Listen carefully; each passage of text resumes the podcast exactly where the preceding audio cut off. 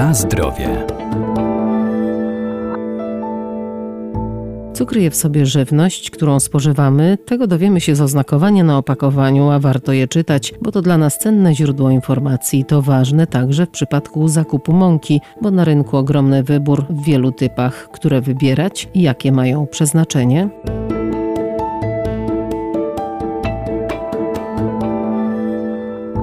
Podstawowym składnikiem wypieków jest mąka, a jej dobór ma istotne znaczenie, bo każda z nich ma inny skład i swoje kulinarne przeznaczenie, a w ofercie mamy duży wybór. Jeżeli chodzi o mąkę, to możemy mówić tutaj o mące tradycyjnej, tak zwanej jasnej, czyli to będą mąki o typie 400, 450, 500, 550, czyli tak zwane w nomenklaturze przemiałowej jest to mąka jasna, mąka bułkowa. Doktor inżynier Anna Wierkijowska, Wydział Nauk o Żywności i Biotechnologii Uniwersytetu Przyrodniczego w Lublinie. I są to mąki o wysokiej zawartości węglowodanów, ale o niskiej zawartości błonnika pokarmowego i o niskiej zawartości składników mineralnych. Ale dzięki tej mące jesteśmy w stanie uzyskać piękne, jasne bułeczki, do których przez wiele lat byliśmy przyzwyczajani.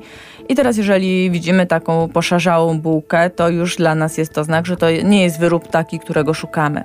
Typowa mąka chlebowa jest to mąka o typie 750, co oznacza, że w 100 kg mąki mamy 750 g składników mineralnych. W związku z czym, im wyższy typ mąki, tym więcej składników mineralnych jest w tej mące i analogicznie więcej błonnika pokarmowego będzie się w tej mące znajdować, ponieważ wyższy typ wiąże się z tym, że do mąki przechodzi więcej składników zawartych w okrywie owocowo-nasiennej ziarenka. Jeżeli z ziarniaka zabieramy fragmenty okrywy owocowo-nasiennej, ona przechodzi nam do mąki, to automatycznie błonnik również przechodzi, bo on jest głównie zlokalizowany właśnie w tej warstwie zewnętrznej, tą, którą widzimy. Jednak nie każda mąka o wysokim typie, czyli ta, która dla nas jest zdrowsza, nadaje się do zrobienia każdego wyrobu. Na zdrowie. A jakie jest zastosowanie poszczególnych typów mąk, które wybierać? Mówiąc o pieczywie, trzeba pamiętać, że mówimy nie tylko o chlebie czy bułkach, ale mówimy także o wyrobach półcukierniczych typu chałki, drożdżówki.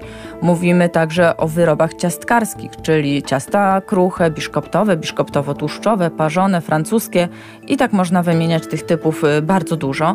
I tutaj w zależności od tego, jaki produkt chcemy uzyskać, musimy zastosować inną mąkę. Jeżeli mamy mąkę o wysokiej zawartości błonnika, składnika pokarmowego. Trudno będzie uzyskać ładny biszkopt, bo on będzie raz, że będzie miał niekorzystną barwę, bo będzie ona taka szara, a poza tym znacznie spadnie puszystość tego biszkopta. Z kolei jeżeli mamy mąkę o niskiej zawartości białka, a przez to także na przykład o słabym glutenie, czyli taka mąka nie będzie się nam nadawała do zrobienia ciasta francuskiego, które musimy kilkakrotnie wałkować, składać i to ciasto musi być wytrzymałe na te zabiegi. W związku z czym też nie ma jednej uniwersalnej mąki do wszystkiego. Jeżeli możemy, to w naszej diecie powinno się znajdować jak najwięcej mąk ciemnych, ale to też nie jest rada uniwersalna dla wszystkich. Jeżeli są osoby, które na przykład cierpią na na zespół jelita drażliwego, to te osoby powinny ograniczać pieczywo ciemne, a z kolei spożywać pieczywo jasne, które dla nich jest e, lekkostrawne i łagodniejsze dla ich przewodu pokarmowego. Z kolei osoby będące na dietach redukcyjnych czy na dietach e, odchudzających, tutaj jak najbardziej należy polecać pieczywo ciemne, żytnie przede wszystkim. Jeżeli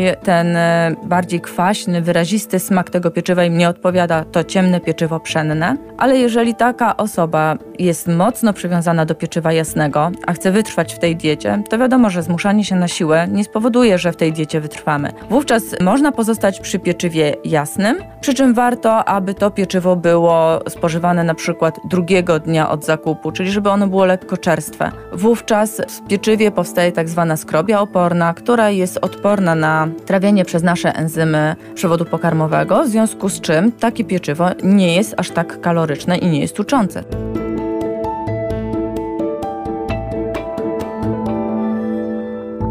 Coraz większym zainteresowaniem cieszą się także mąki ze zbóż pradawnych, w tym samoprzy, płaskórki czy orkiszu, a także mąki zbożowe, niechlebowe, owsiana, jęczmienna, kukurydziana i ryżowa. Mniej popularne to mąki z pseudozbóż, jak gryczana czy z amarantusa, z orzechów, migdałowa czy kokosowa oraz mąki z nasion roślin strączkowych, z grochu, ciecierzycy, soczewicy i łubinu.